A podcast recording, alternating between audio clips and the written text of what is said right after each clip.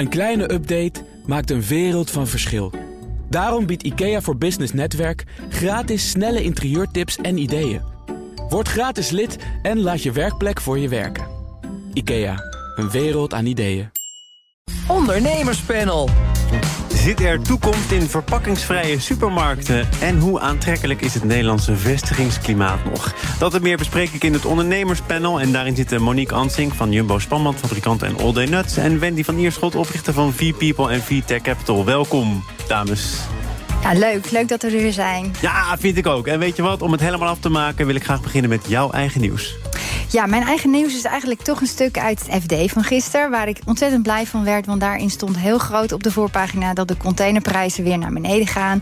Dus dat ook en nog een aantal andere kleine dingen... maken toch weer wat lichtpuntjes voor volgend jaar. Dus uh, dat is mijn uh, positieve nieuws. En die containerprijzen die gaan niet een beetje naar beneden die gaan, als je naar belangrijke routes kijkt, zelfs met bijna 90% naar beneden. Ja, maar dat was ook wel goed. Want kijk, het was van 1400 naar 14.000, 15.000 per container. Dus dat het die, uh, die hè, zo hard naar beneden gaat, zijn we ontzettend blij mee. Het gaat weer terug naar normaal. Ja. En uh, dan kunnen we ook weer normaal zaken doen. Dus en, en wat is dan normaal? Want ik heb dat artikel ook gelezen. En daarin wordt dan openlijk gespeculeerd over een nog verdere daling naar de niveaus van 2015, 2016. Ja, je bent voor een belangrijk deel ook afhankelijk van die containerprijzen. Ja, Doet zeker. zaken in Vietnam. Ja. Um, zie je het gebeuren dat die prijs nog weer verder naar beneden gaat? Nou, dat denk ik niet. Ik denk dat het een beetje zo rond het prijs van 2019 blijft. Het zal zich weer. Zal, dat is altijd zo. Dan gaat het weer heel hard naar beneden. En dan gaan mensen daar weer van proberen te profiteren. Maar uiteindelijk stabiliseert het weer uh, rond die 1400, verwacht ik. Wendy, je hebt het ook gelezen en je moest meteen aan Monique denken. Ik denk, moest hey, meteen aan Hier Monique- zijn mensen Ja. die. Uh, Ja, omdat, ja, precies. Omdat het natuurlijk enorm veel effect heeft op je winstmarges. En, uh, en het ook de inflatie uh, omhoog stuwt, dit Ja. soort dingen. Dus, Ja. En het zo gigantisch uh, grote wijzigingen zijn dat je die helemaal niet door kan berekenen. Dus ik was heel blij voor jou. Monique. Ja, ik ben ook heel blij. En alle andere ondernemers die uh, van containerprijzen afhankelijk zijn. maar Ja. het, het, het is een signaal dat het uh, weer iets beter gaat wat betreft die toeleveringsketen. Is het ook een signaal van economische neergang? Je kunt zeggen het is goed nieuws. Is het ook ergens toch iets om enigszins somber over te zijn? Nou, dat denk ik niet. Want eh, die hoge prijzen, waar, waar dat vandaan is gekomen, weet ik echt niet. En eh, we hebben het proberen te analyseren. Maar er zijn een paar bedrijven ontzettend rijk van geworden. En daar klopt het dus over de plint. En dat klopt gewoon niet. Dus daar zit toch ook iets uh, in wat onderzocht moet worden, denk ik, door de mededingingsautoriteit. Maar dat gaat vast nog komen. Wendy, bij Andrew Tate klopt ook het een en ander niet. Nee, ja, ik dacht toch nog maar eventjes Andrew Tate eh, erbij halen. De influencer die heel veel volgers heeft, met name onder jongeren. Hij is opgepakt voor mensenhandel.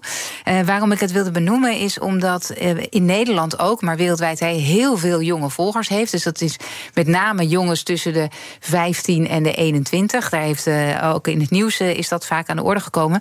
En wat mij opvalt is dat het maakt niet uit wat die man doet, of hij wordt opgepakt of hij allemaal slechter doet. Die volgers nemen alleen maar toe.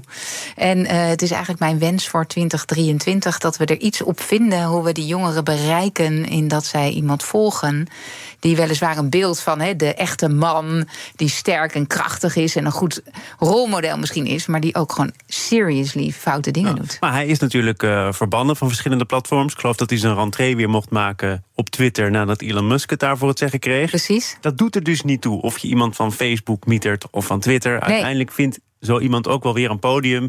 En daarmee vinden ook zijn volgers weer deze man. Precies. En, en hij schrijft er zelf over dat uh, die opgepakt werd, uh, was zijn tweet: The Matrix sent their agents.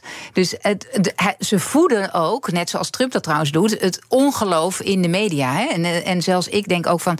nou, je ziet nu bij, in, in Rusland dat er allerlei mensen onder het mom van zelfmoord.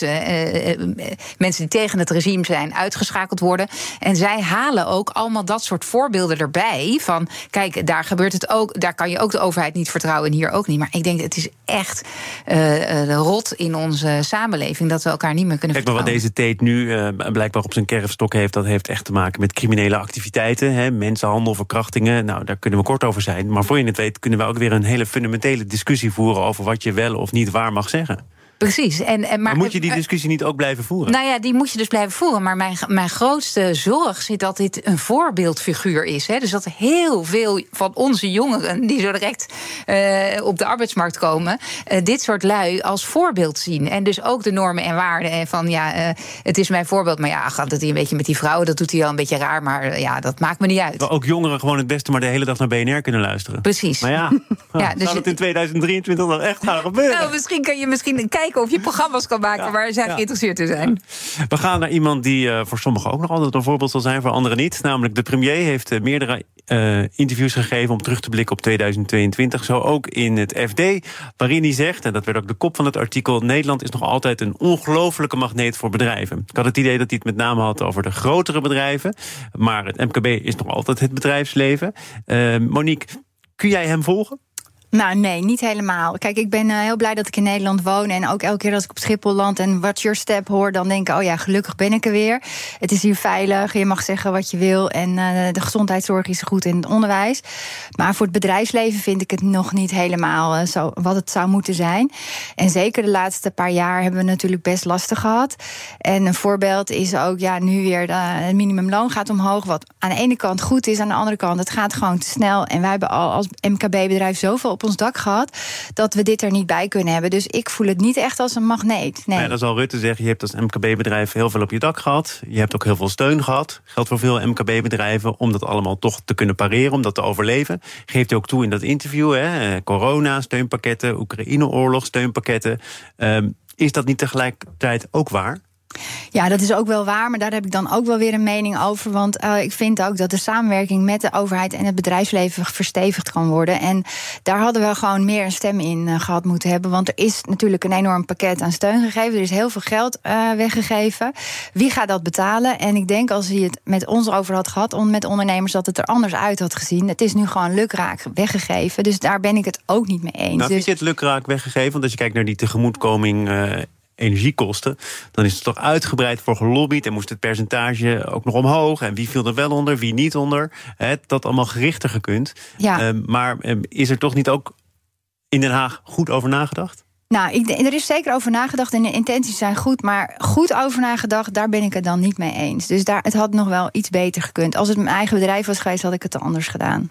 Ja, wat, wat ik daar wel de, de uitdaging in vind, is dat er druk op de ketel stond. Hè? Dus het moet allemaal snel, zowel in corona als met die energieprijzen, al die uh, crisis. En, en dan moet het snel opgelost worden. En dan kun je niet altijd een heel goed doordacht plan hebben. Dus daar heb ik op zich wel een beetje compassie mee. Aan de andere kant, uh, ja, ik, ik vind dus dat we inderdaad moeten zeggen van voor Nederlands. Nederland heeft waanzinnige steunpakketten gegeven, ook als je het vergelijkt wereldwijd. Daar moeten wij, vind ik, ook wel dankbaar voor zijn. Tegelijkertijd moeten we nu ook wel een beetje oppassen dat we niet een soort uh, uh, compensatie-infuus uh, cultuur hebben. Van nou ja, zodra er iets misgaat, moet de overheid dat compenseren. Want uiteindelijk moeten wij ondernemers dat gewoon weer betalen. En, de, en onze kinderen. Want die rekening die blijft gewoon staan. Ja. ja. Maar het rijtje van Rutte, ik herhaal het toch maar. We zijn een van de rijkste economieën ter wereld. We hebben topuniversiteiten en wij zijn op het gebied van start- en scale-ups de nummer 1 of 2 van Europa. Ja, dat klopt dus niet. Klopt ook niet. Nee, Dat, uh, dat weet ik ook als geen ander. Ja, nee, dat heeft hij niet goed onthouden. Nee, nee precies. Nou, dat, dat we uh, voor scale-ups uh, 1 of 2 zijn in Europa is gewoon niet waar. Want er is een, een onderzoek van de Erasmus Universiteit waaruit blijkt dat we op nummer 8, of eigenlijk in, afhankelijk van welk lijstje je pakt, staan we ergens in, onderaan de top 10. Dus dat klopt gewoon niet. Um, ik denk wel, er wordt wel in geïnvesteerd en we zijn er hard mee bezig. Ik, ik vind dus dat we uh, te naïef zijn en niet uh, ons realiseren hoe belangrijk dat uh, ondernemersklimaat is. Hè, dus dat we uh, Shell laten weggaan, dat we Unilever laten weggaan. En dat we een beetje een soort arrogantie hebben van we hebben die bedrijven niet nodig. Nou, en... Laten weggaan. Het kwam in dat interview toch ook weer aan de orde. De dividendbelasting liep natuurlijk heel erg hoog op, politiek gezien. Ja, dat klopt. Maar er is dus een soort sentiment in de Nederlandse samenleving van we hebben die bedrijven, niet nodig. Uh, en dat vind ik naïef, want dat hebben we heel erg wel nodig. En, en dit soort trends die duren een paar jaar voordat je de effecten daarvan ziet. Dus je kunt nu zeggen, nou, het maakt eigenlijk niks uit.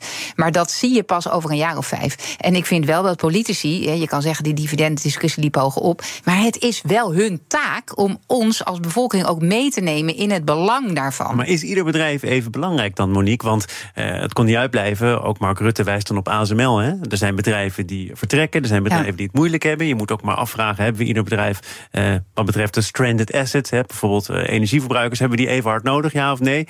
Dan zegt Mark Rutte, nou misschien niet, maar we hebben ook de nieuwe technologie al in handen. Kijk maar naar bijvoorbeeld ASML. Dat is toch zo? Dat heeft toch ook in Nederland groot kunnen worden? Ja, dat is waar. Maar ik kijk ook meer naar het MKB-bedrijf. Want daar, daar zit ook de werkgelegenheid. En als we dan hebben over die scale-ups, daar hebben we het net ook over. Er wordt heel veel energie besteed vanuit de overheid aan start-ups. Maar het gaat in Nederland, het gat zit bij de scale-ups. Daar zijn we echt slecht op dat gebied ten opzichte van onze Europese collega-landen.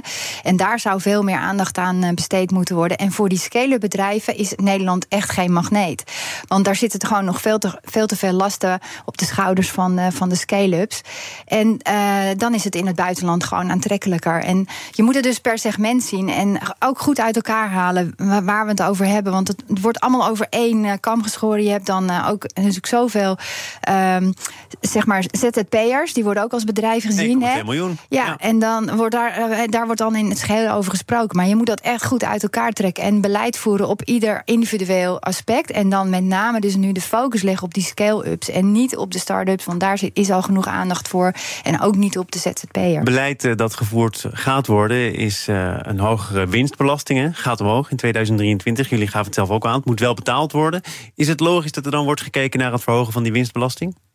Nou, ik vind het ook een hele makkelijke keuze. Het is heel snel gedaan en daar haal je dan uh, veel geld mee naar de overheid. Maar dat vind ik zelf ook geen goede keuze. Want de overheid had veel beter kunnen gaan stimuleren dat bedrijven gaan innoveren op duurzaamheid. En daar hun winsten aan besteden. Dus dat, dat winstbudget moet omgezet worden in innovatiebudget. Maar er wordt natuurlijk al heel lang gezegd, uh, ook politiek gezien van links tot rechts. Misschien moeten we wat minder belasting heffen op arbeid en wat meer op vermogen. Zeker. ja. ja.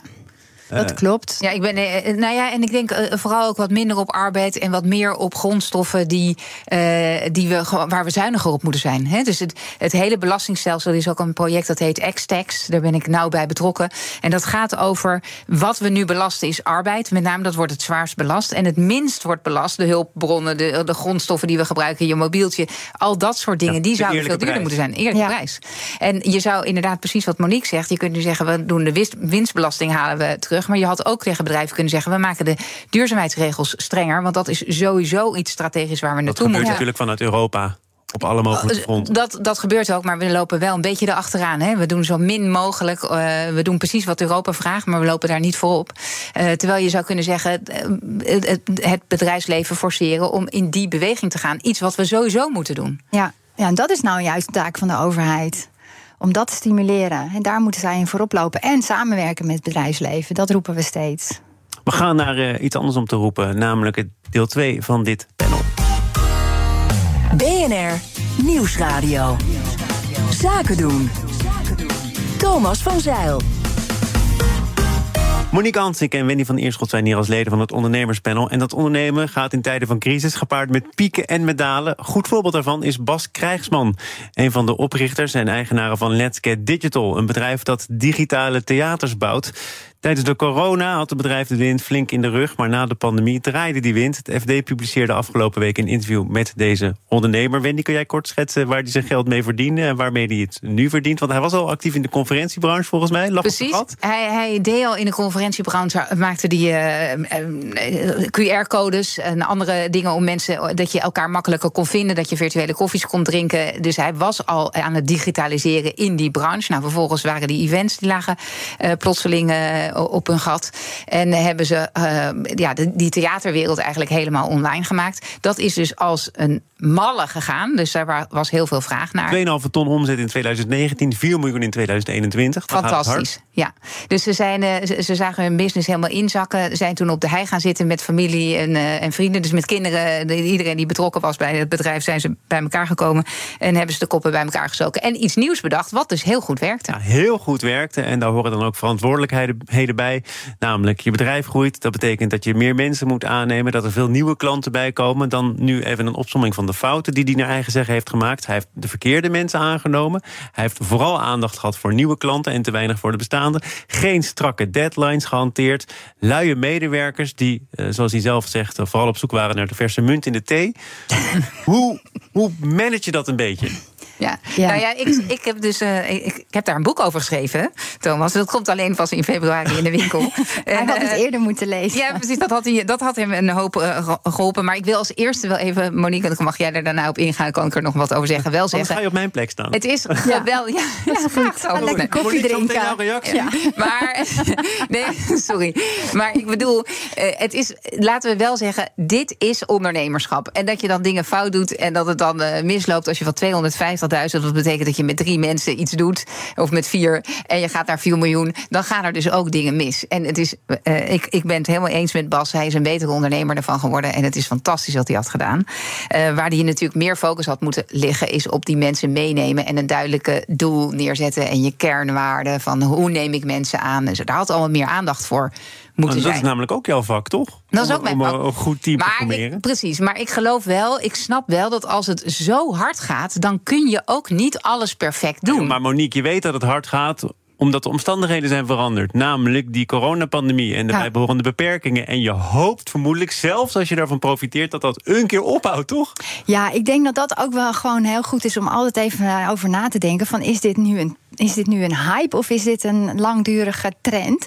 En als je dan voor jezelf moet constateren, nou, het zou wel eens een hype kunnen zijn, dan moet je daar natuurlijk je businessmodel wel op uh, inzetten. Net zoals hypes met de flippo's en met de wuppies. Weet je, die bedrijven die zijn toen ook keihard gegroeid. Maar ja, dan is de, de hype over en dan, dan daal je weer. Dus daar moet je op inzetten. Dus je moet altijd even over een crisis of een hype heen proberen te kijken. Van wat is de lange termijn? Wat is mijn lange termijn visie? En is dit dus kortdurig? En dat had hij ook kunnen doen. En wat, wat, wat, en wat had hij, als hij dat gedaan had, dan anders gedaan? Vermoed je, had hij dan minder, had hij dan minder mensen aangenomen? Ja, of minder mensen aangenomen, of andere mensen aangenomen. Of toch gewoon kunnen denken van, nou, ik neem het tijdelijk, doen we het zo, maar de lange termijn gaan we het zo doen en daar ook met elkaar over hebben. En dan ja, net als nu, wij hebben twee jaar crisis gehad. We hebben ook altijd geprobeerd over de crisis heen te kijken. En dat heeft wel geholpen. Want als je in de crisis of in een hype beslissingen gaat nemen, zijn die eigenlijk altijd fout. Dat weet je al. Ja, dus het beste is natuurlijk om eh, in een crisis eh, of in een hype je klantenbestand te verbeteren. Hè? Dus om, of om te zorgen dat je jezelf positioneert op een manier waarvan je denkt: oké, als dit zo direct over is, dan sta ik er nog steeds heel erg goed voor. Ja. Ja. ja, tegelijkertijd, ja, wil ik, ik, ik vind het ook heel Nederlands hè, dat we dan zo'n zo'n Get Digital dan weer een beetje gaan afzeiken. Van ja, dat hadden ze allemaal van tevoren dat moeten doen. Dat gebeurt helemaal niet. Hij krijgt uh, een flink artikel in het FD waarin hij mag zeggen wat hem overkomen is. Ja. Waarin hij ook nog weer kan zeggen wat je vaker hoort. Ja, het heeft me veel gekost, maar uiteindelijk ben ik een beetje een betere ondernemer geworden. Denk altijd, ja, dat kan je nu wel zeggen, maar je zat er ook wel van balen, of niet? Tuurlijk. Tuurlijk, ja, zeker. Nou, ja, ik vond het eigenlijk wel geestig, zei hij, dat ik twee ton per maand verlies leed. Ja, dat, vind, dat zou ik niet. Ja, dat dacht ik, dat vind ik helemaal niet geestig. En dan, dan zo'n boek kopen is goedkoper dan, uh, dan twee ton per maand verliezen, denk ik, om een betere ondernemer te worden. Dus, uh, maar jij, vindt, jij vindt dat je dat nooit zo kunt stellen? Dat het wel geestig is om verlies te leiden? Nou, ik, ik vind dat erg. Dat is daar, daar ben je toch niet voor eh, op aarde gekomen om, uh, om achteruit te gaan in plaats van vooruit. Dat werkt toch niet? Ja, daar heeft niemand wat aan. Het, het, het, is in ieder geval dat het iets zegt over hoeveel winst hij daarvoor heeft gemaakt. Want als hij niet heel veel winst heeft gemaakt, dan had hij dat niet zo grappig gevonden, denk ik. Dan de verpakkingsvrije winkels. Meerdere winkels en fabrikanten timmeren al enige tijd aan de weg met verpakkingsvrije concepten. Eh, online supermarkt eh, Pieter Pot is wel bekend. Heeft landelijk zo'n 500 producten in wekpotten met statiegeld bezorgd. Groeit met horten en stoten. Er zijn ook eh, verpakkingsvrije winkels zoals Bag Buy in Utrecht en Opgewekt Noord in Groningen. Ja, je hebt ook de woordgrapper er gratis bij. Wendy, ehm, we hebben het zojuist al gehad over eerlijke prijzen. Over toch op een andere manier kijken naar bepaalde producten. Je hebt het ook al eerder in dit programma een paar keer onder de aandacht gebracht. Nu blijkt uit die analyse van het FD, ja, zo makkelijk en zo goed gaat het eigenlijk niet. Er moet Europese wet en regelgeving komen. En dan zou het kunnen zijn dat deze bedrijven echt flinke wind meekrijgen. Een sprong voorwaarts kunnen maken. Waarom komt het tot nu toe niet echt van de grond? Ik denk dat het belangrijkste is dat het een niche-markt is en blijft. Dus je de grote consument meekrijgen in zo'n duurzaamheidsconcept. Zoals Pieter Pot bijvoorbeeld, hè, waar je je boodschappen thuis krijgt in een pot en die heen en weer kan wisselen, dus zodat je geen verpakking uh, blijvend moet weggooien. Um, er zijn twee dingen. Eén, het het is onhandiger en het is duurder. Daar, daar bereik je een niche-markt mee van mensen die daarvan overtuigd zijn dat dat nodig is om de wereld te behouden. Dat is fantastisch. Dat wordt dus niet zo groot als de Albert Heijn. Dus we moeten niet uh, bedenken dat die bedrijven die potentie hebben. Daarbij, als die Europese regelgeving komt, dan gaat de Albert Heijn en de Jumbo en de Vomar ook om. En uh, gebruik maken van wat zo'n niche-speler al heeft geleerd. Dus ze hebben wel degelijk een hele belangrijke functie. Maar het gaat ook mis omdat ze niet zo groot kunnen worden. Nou, Albert Heijn doet het overigens al in een paar winkels. Hè, en uh, RTL Nieuws heeft in november is het net opgehaald. Wordt het dan een beetje gebruikt? Ja, niet dus. Het is echt triest. Ja, het is echt dramatisch. Terwijl, terwijl consumenten zeggen dat ze het belangrijk vinden. En wat kan er dan bij de Albert Heijn? Dan neem je dus inderdaad van huis uit je potje of je pannetje mee. En dan kun je daar je koffiebonen direct uh, ja.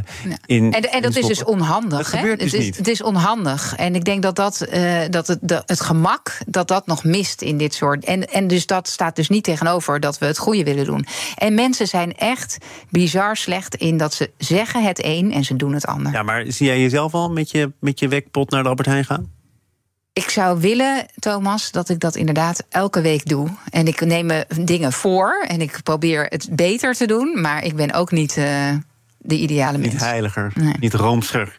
Jij, Monique? Ja, ik heb um, een spanband meegenomen. En die zit op een, uh, op een kartonnen hoekbeschermersverpakking. in plaats van zo'n uh, plastic verpakking die je moet openknippen, wat nooit goed ging. Dit doen wij al vanaf 2006 op deze manier. En dat is nog steeds succesvol. Uh, dus geen verpakking. En dat was toen tijd ook best een hele grote slag. En daar had je dus ook geen wetgeving voor nodig? Nee, en ik denk uiteindelijk dat we met elkaar zijn we zo creatief en slim dat we tot oplossingen kunnen komen die we die misschien nog niet bedacht hadden, omdat het allemaal gemakkelijk is. Maar ook in de gewone reguliere supermarkt. Ik verbaas mezelf hoeveel plastic daar wordt gebruikt. En dat is echt niet nodig. Dus als we daar met z'n allen gewoon creatiever over nadenken, dan, uh, dan komen we er maar wel. Maar creatiever wil niet zeggen zelf je verpakking van huis uit meenemen. Nee, voor sommige dingen denk ik dat dat gewoon ook niet kan. Maar we, er zijn echt nog verpakkingsslagen, op de, oh ja, innovatieslagen te maken. En daar hebben we dus dan die overheid weer voor nodig. Dan kom, kom ik weer even terug bij Rutte. Dat je dus beter kan stimuleren dat bedrijven dus hun uh, budgetten inzetten voor innovatie, voor op duurzaamheid. Dan zomaar uh, lukraak de vennootschapbelasting te verhogen. Tot slot, jullie hebben er allebei een kleine minuut voor. Is er uh, in dit laatste ondernemerspanel nog een ondernemer of een onderneming die jullie in het zonnetje willen zetten, die het dit jaar goed gedaan heeft? Jeetje, wat is ingewikkeld. Nou, ik wil eigenlijk dan gewoon een, niet, een, niet een onderneming, maar een uh, organisatie waar ik ook bij betrokken ben. Dat is NL Groeit. En NL Groeit probeert ook dus die scale-ups te helpen om, uh, om verder door te groeien. Door de ondernemers aan elkaar te koppelen. Zo, zoals wat wij hier nu ook met z'n tweeën doen. Om over situatie en problemen te praten. Zodat we samen daar weer uh, sterker van worden. Met focus dus op, op de duurzaamheid. Dus, en dat blijven jullie in 2023 ook doen. Zeker, want de overheid oh. heeft ons toch nog weer dit de, voor drie jaar geholpen om hiermee verder Ach, te gaan. de overheid. Ja, nou, dus die hebben we toch weer wel. kunnen stimuleren om, uh, om hier aan die scale-ups uh, aandacht aan te besteden. Oké, okay, Wendy, uh, 40 seconden tijd gewonnen. Je moet er nu toch echt aan geloven. Ja, precies. Jij ja, overvalt me nog een beetje mee. Ik, denk, ik wil dan toch nog even extra terugkomen op Studio Jux. Dat is een uh, duurzaam kledingmerk. Dat heeft dit jaar de deuren moeten sluiten. Onder andere door corona. Uh, maar Jitske, die dat uh, is begonnen en die daar keihard tien jaar aan heeft gewerkt. en echt heeft gezorgd dat de mode-industrie veranderd is. die heeft iets neergezet wat je dan nu ineens zo uit je handen ziet glippen. Dus als ik haar nog een keer een hart onder de riem mag steken, dan doe ik dat nu. En wat, en wat doet ze nu? Uh, ze, ze, helpt nu een ander duurzaam kledingmerk in hun, um, ja, in hun naaiatelier om dat proces te optimaliseren. Goed om dat uh, nog even gezegd te hebben, ook al overviel ik jullie ermee. Maar goed, jullie zijn er ook niet voor het eerst. Hè? Nee, dat Monique is van Jumbo, spanbandfabrikant en All Day Nuts. En Wendy van Ierschot, oprichter van V-People en Feed Tech Capital. Dank en tot volgend jaar. Tot volgend jaar. Straks, hoe proberen de pitchers van deze week hun weg te vinden in verzadigde markten? Want daar is wel enige sprake van. Je hoort het straks in Zaken. Een kleine update maakt een wereld van verschil. Daarom biedt IKEA voor Business Netwerk gratis snelle interieurtips en ideeën. Word gratis lid en laat je werkplek voor je werken. IKEA, een wereld aan ideeën.